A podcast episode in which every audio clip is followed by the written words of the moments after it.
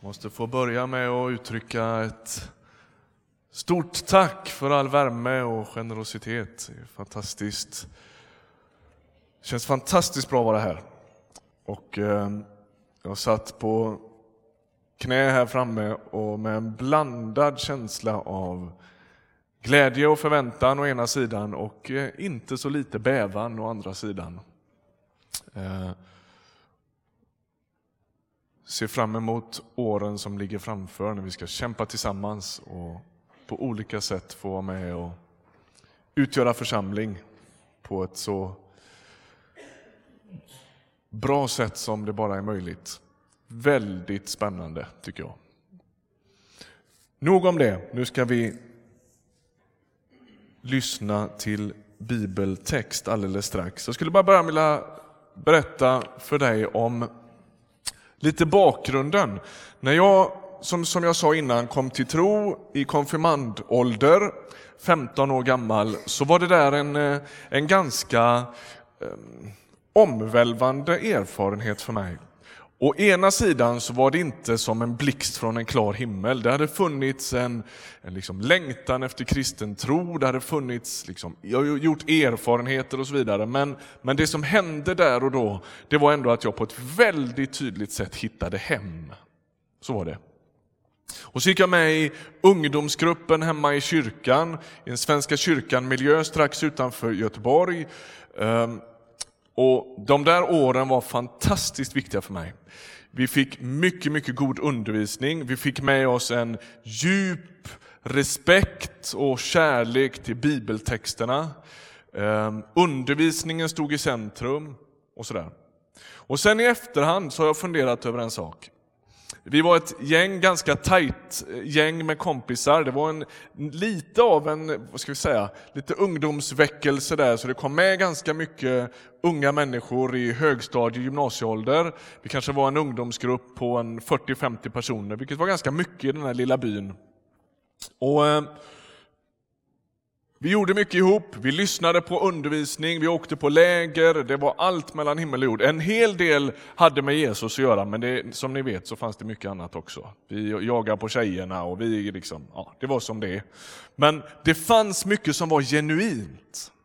Och så har jag funderat i efterhand, vad kommer det sig att alla vi unga killar i den där lilla, det fanns många tjejer där med, men vi var ett gäng väldigt tajta killkompisar som upplevde mycket tillsammans, som var med på samma undervisning, åkte på samma bibelstudiedagar. Vad kommer det sig att en del växte och liksom fortsatte sitt kristna liv medan andra ganska snart liksom vek av? Jag har funderat en del, hel del på det där därför att jag, jag kan inte riktigt se vad det är som gör att jag exempelvis fortsatte en kristen vandring medan andra inte gjorde det. Det var inte så att jag var mer seriös än vad de var. Sällan var det så. Alltså, det var väldigt, väldigt skiftande och dunkla motiv kan man säga bakom mycket av det vi gjorde. Och så, och så tänker jag, vad är det som gör att det liksom fäster för vissa människor och inte för andra? Det som gör att jag har funderat lite över det här, det är att jag faktiskt har roat mig den sista tiden med att läsa Ryttargårdskyrkans och Philadelphia Ebenezers eh, jubileumsskrifter. Eh, jag har läst högt hemma för familjen, vilket inte, det rekommenderas inte. Det funkar inte alls kan jag säga. Utdrag ur protokoll och så. Inte, inte spännande. Men jag tyckte det var väldigt spännande. Och då är det en liten formulering som liksom har ringt i mitt inre. Det är ett protokollsutdrag från år 1945. Då står det så här i Philadelphia församlingens protokoll. Det beslöts att skilja broder A från församlingsgemenskapen är när han har förlorat fästet i Gud. Och Det där uttrycket har jag funderat på. Jag har smakat på några veckor. Och för, för det första kan man ju fundera en del över vad det där stod för. Om det var så att broder A hade förlorat fästet i Gud eller om det handlade om en ganska liksom, yttre bedömning. Vi vet ju inte riktigt det. En del här inne kanske möjligen vet vem broder A var. Det spelar egentligen ingen roll just nu. Vi funderar en del runt det där uttrycket att förlora fästet i Gud. Vad är det? Och hur behåller man fästet i Gud? Det är ju frågan. Vi ska läsa en text ifrån Kolosserbrevets andra kapitel. Den kommer på väggen här. En kort text på två versar. Det är Paulus som skriver till en kristen församling i Kolossai eller Kolosse. Ni har lärt känna Herren Kristus Jesus. Lev då i honom med rot och grund i honom, allt fastare i den tro som ni har undervisats i och låt er tacksamhet överflöda. De där två verserna ska vi stanna inför en kort stund. Ni har lärt känna Herren Kristus Jesus, säger Paulus. Bakgrunden till det här är att han skriver brev till dem därför att det är som om de håller på att liksom driva ifrån det där som var centralt i kristen tro, nämligen allt det som knyts till Jesus som person. Vem han är, vad han har gjort och vad han kan ge. De driver därifrån, de lyssnar på alla möjliga impulser och, och, och liksom trender i omgivande samhället och, och inte minst en hel del religiösa impulser. Och så driver de ifrån det där enkla, centrala Jesuslivet. Och så säger han, ni har ju lärt känna Herren Kristus Jesus. Jag tycker att det där är spännande för det öppnar en sån, en sån liksom dimension. Vi har lärt känna honom. Det vi har lärt känna, det är inte en teori, det är inte en idé, det är inte ens en lära bara, utan det är honom själv.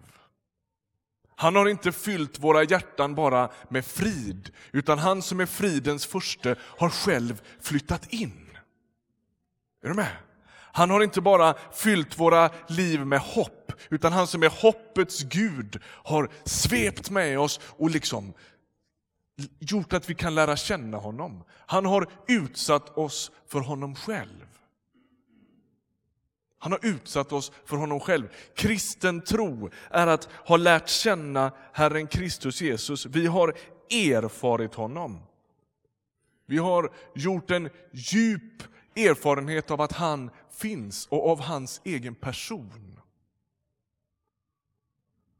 Och då säger han, lev då i honom med rot och grund i honom. Och Bakgrunden är som sagt att de kristna i Kolosser riskerar att faktiskt förlora sin tro. De lockas från flera olika håll, dels av en judisk lagiskhet och dels av en hednisk gnosticism. Vi väljer att liksom inte detaljerat beskriva det, utan det finns olika impulser. Följderna av båda är att Jesus kommer i bakgrunden. Jesus kommer i bakgrunden. Fokus hamnar på andra saker och, och, och liksom, man hämtar sin näring någon annanstans än där. Man sträckte sig helt enkelt efter något annat istället för efter honom.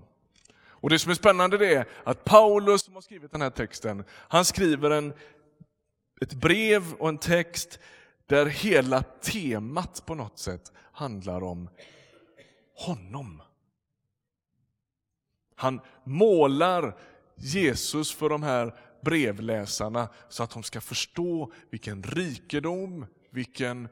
Eh, alltså, alltså, allt det som på något sätt har öppnats för dem den dagen de lärde känna Herren Jesus Kristus, som han säger. Det är som om de har gläntat på dörren till ett helt universum. Och så säger han, lev i det. Rota er i det. Borra era rötter djupt i honom.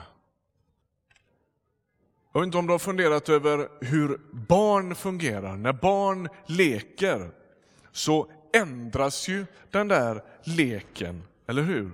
De första leksakerna, kommer ihåg när våra barn var små, då kunde man nästan ge dem vad som helst därför att de lekte ju typ med kartongen och snöret och så, va? eller hur?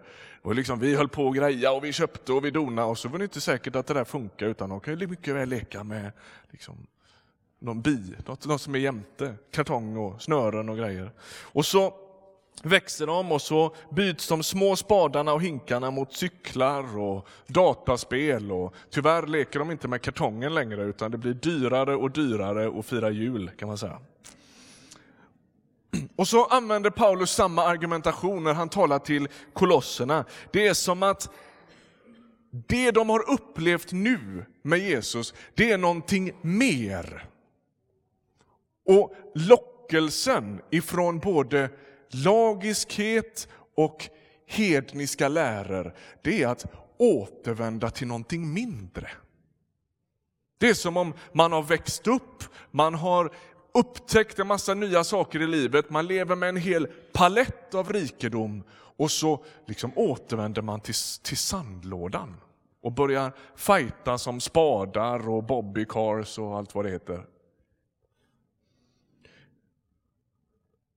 De tror att de utvecklas. De tror att de går vidare till liksom nya höjder och Paulus han säger, det ni gör det är att ni nöjer er med något mindre än Jesus.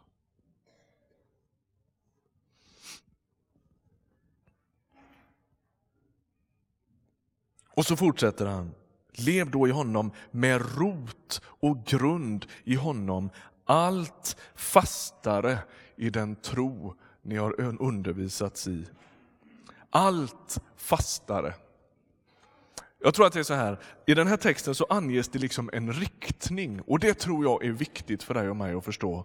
Kristen tro är, har med rörelse att göra. Ibland har vi lyckats beskriva det som någonting väldigt stillastående och väldigt statiskt. Man, är, man står innanför eller man står utanför. Men i själva verket så, så beskriver ju Nya testamentet kristen tro som en rörelse. Allt fastare, allt närmare, allt djupare. Eller hur? Det, det finns alltid mer. Om du inte kommer ihåg något annat av min predikan idag, så kom i alla fall ihåg det. Det finns alltid mer. Och det är som att Paulus han lockar dem i den mening som ni liksom tycker att det här inte är något och vänder er mot något annat, så är det för att ni inte begriper vilka världar och vilka rikedomar det är som har öppnats. När ni började lära känna Jesus så gläntar ni på dörren till något som ni aldrig blir färdiga med. Det finns alltid mer. Och då säger han, allt fastare i den tro som ni har undervisats i. Utsätt dig för gudstjänsten, utsätt dig för undervisningen. Kom hit på böneskola på tisdagar. Det finns alltid mer. Stagnera inte, stanna inte upp, luta dig inte tillbaka och tänk nu har jag varit med om det som finns att vara med om. Det finns alltid mer. Och en kille som skulle låta döpa sig i Betania när jag var ganska ny pastor där. Han hade varit med om en ganska märklig resa. Han hade liksom kommit lite bakvägen på något sätt in i kristen tro. Han åkte ut i ett internationellt eh, missionsarbete utan en riktigt liksom, tydlig kristen bekännelse. Och, och allting hände lite bakvägen. Till sist så kom han hem till Sverige och kom till församlingen och berättade, men jag är ju kristen och kan, nu har jag varit både missionär och allt möjligt. Det kanske börjar bli dags att jag blir döpt. Och så, och så skulle vi döpa honom och då annonserar vi, nästa söndag då är det dop, då ska vi döpa Erik. Då kommer det fram en kille efteråt och säger, vad härligt att du ska bli döpt, då kan ju du börja sköta ljudet. Va? Vilket mörker. Vilket mörker. Alltså en sorts idé om att kristen tro eh, beskrivs på det sättet. Jag har gång efter annan i Betania, och kommer säga det här också, kristen tro handlar inte om att okej, okay, nu har jag liksom varit med om mitt livs resa, mitt livs upptäckt och nu, det enda som väntar nu, det är ett livslångt medlemskap i en städgrupp. Det är inte det som är grejen. Du gläntar på dörren till en, en, en, en värld, en person vars djup man inte kan loda. En rikedom vars, som, liksom, som du aldrig kan ta in. Det finns alltid mer. Elinor citerade Frank Mangs igår, eller nämnde om honom. Han har sagt så här en gång. Frank Mangs var en av 1900-talets portalgestalter får man säga i svensk frikyrka och väckelse, väckelsekristendom. Han säger så här, färdiga människor är någonting av det värsta jag vet.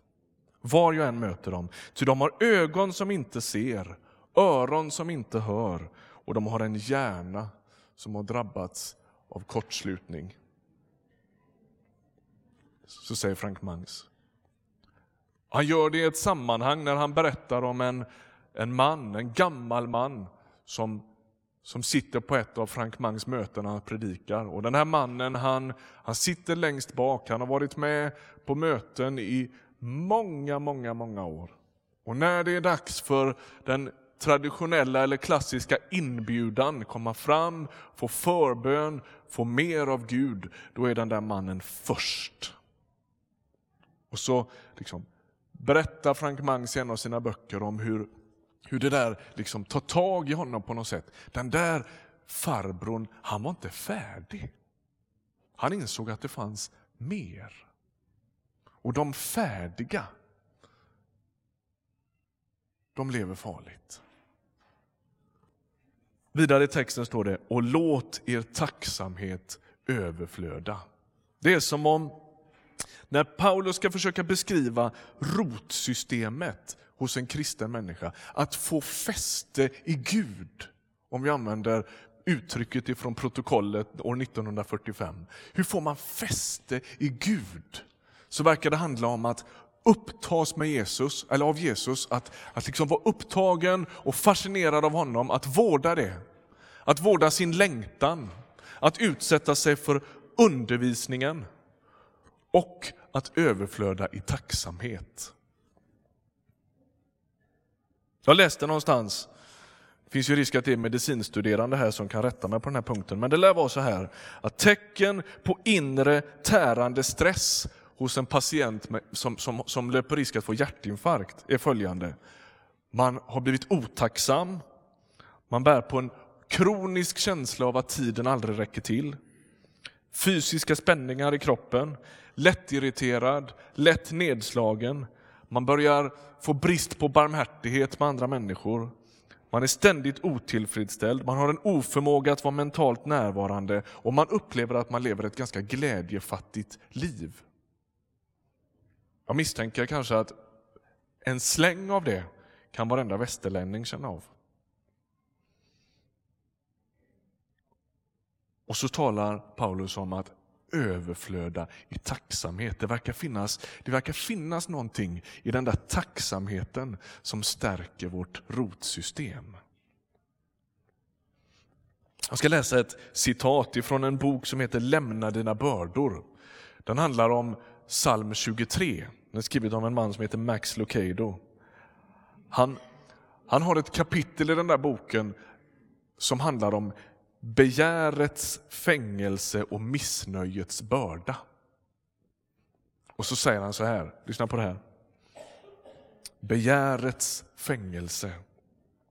Du har säkert sett dess fångar. De vill ha. De vill ha något. De vill ha något större, snyggare, snabbare, smalare. De vill ha. De vill inte ha mycket förstås. De vill bara ha en sak ett nytt jobb, en ny bil, ett nytt hus, en ny fru.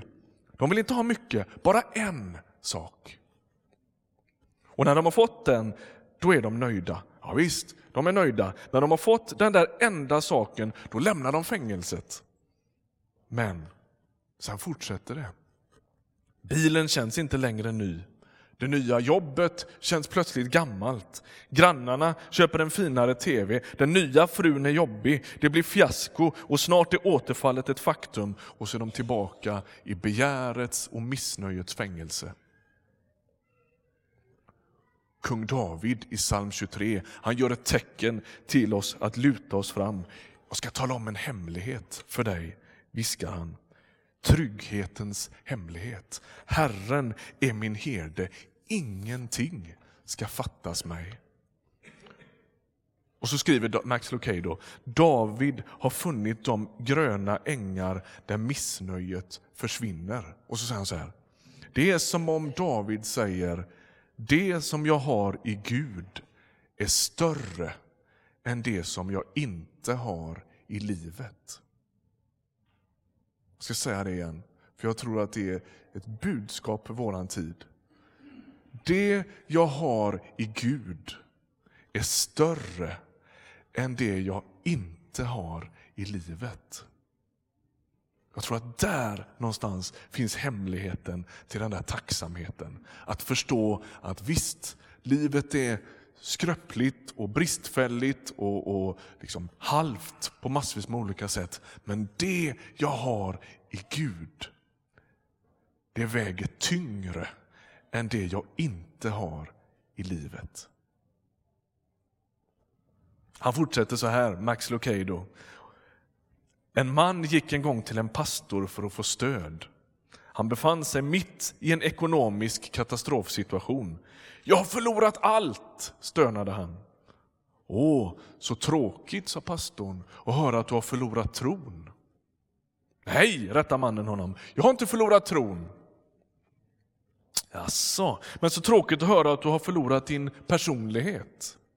Det har jag inte sagt, rättade mannen honom. Jag har kvar min personlighet. Jag beklagar verkligen, sa pastorn, att du har förlorat frälsningen. Det har jag aldrig sagt, invände mannen. Jag har inte förlorat frälsningen. Du har din tro, du har din personlighet och du har din frälsning. Det verkar inte som om du har förlorat något av det som verkligen betyder något, noterade pastorn. Och det har inte vi heller, skriver Max Lucado. Du och jag skulle kunna be som asketen. En asket är någon som lever väldigt, väldigt enkelt. Han satte sig ner för att äta en måltid som bestod av bröd och vatten. Han böjde huvudet och utbrast, allt det här och Jesus också. Sug på det. Bröd och vatten och så liksom, allt det här och Jesus också.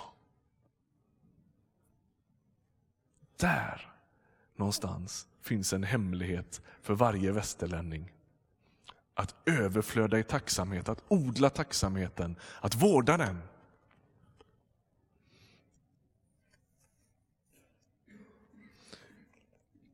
Det jag försöker säga det beskrivs väl i Gamla testamentet. I kapitel 9 i Jeremia. Där står det så här, koncentrerat så är det det här som är grejen. Vers 23. Så säger Herren, den vise ska inte vara stolt över sin vishet, den starke inte över sin styrka, den rike inte över sin rikedom. Den som vill vara stolt ska vara stolt över detta. Att han har insikt och kunskap om mig, om att jag, Herren, verkar i kärlek, i rätt och rättfärdighet på jorden. Ty däri har jag min glädje säger Herren. Det jag försöker säga idag som avslutning i predikan här nu, det är att vi som är här, vi är primärt ett Jesusfolk. Vi är en Jesusgemenskap, en samling Jesus-efterföljare, en gemenskap av Jesus-tillbedjare. Det är han som liksom är själva essensen i det som händer här. Det är vällovligt med samhällsengagemang, byggprojekt, verksamhetsplaner, budgetar, årsberättelser, alltihopa det där. Städgrupper, ljudtekniker. Men vi är först och främst en grupp människor som berörs av Jesus ständigt och jämt och som lockas att hela tiden djupare och djupare följa honom. Det är grejen. Det är det som gör församlingen till världens hopp. Och i, i, i den utsträckning som vi sträcker oss efter det så, så, så, blir det liksom på riktigt. I den utsträckning som vi sträcker oss efter det så kommer vi också ha något att ge till andra. Man skulle kunna säga så här till avslutning. Vi kommer att lyckas, om du ursäktar det liksom lite vårdslösa språket, vi kommer att lyckas i Ryttargårdskyrkan i relation till hur mycket plats Jesus får ta i våra liv och i vår gemenskap. Är du med på det? Alltså, det är vad alltihopa handlar om. Att, att, att djupare och djupare erfara honom, att djupare och djupare följa honom, att, att, att mer och mer radikalt lyda honom. Ra, radikal, det kommer från ordet radix som betyder rot. Är du med? Det, det, som de här två verserna öppnar det är att borras djupare i honom. Det är att mer och mer upptas av honom. Kolossernas problem det är att de tycker sig ha upptäckt något som är lite flashigare, lite modernare, lite trendigare, som bekräftar människan lite mer. Och Paulus säger, det är som att återvända till sandlådan. Ni har ju upptäckt en hel värld. Att ge sitt liv till något annat än att försöka vinna Jesus, det är att återvända till hink, spade och sandlåda. Vi sjöng ju den här sista sången här som Emil Gustafsson har skrivit. Ej dina gåvor heller har värde utan dig. Blott du mig tillfredsställer. Blott du är nog för mig. Det är grejen. Ska vi be en bön? Herre, tack för att du är, är här. Tack för ditt liv, tack för din kraft, tack för din närvaro. Vi tackar dig för att vi får att vi kan erfara dig. Tack för förlåtelse, tack för rening. Tack för att du har gjort något med våra liv som gör att vi kan närma oss dig. Vi ber att få lära känna dig mer, vi ber att få erfara dig mer. Vi ber att få tag på ditt liv, på din kraft, på din befrielse, på din frid, på ditt hopp. Vi ber att få borra liksom djupt i, i dig själv. Vi ber att du skulle vårda, hjälpa oss att vårda våran längtan. Vi ber att du skulle knuffa på oss och reta igång oss när vi liksom lutar oss lite för tungt tillbaka och har tappat bort våran längtan. Vi ber att få sträcka oss efter dig, vi ber att få längta efter dig, vi ber att få beröras av dig ständigt och jämt. Vi ber att du skulle hjälpa oss med vår tacksamhet. Du ser att vi lever i, ett, i en tid och i en kultur där det inte står särskilt högt.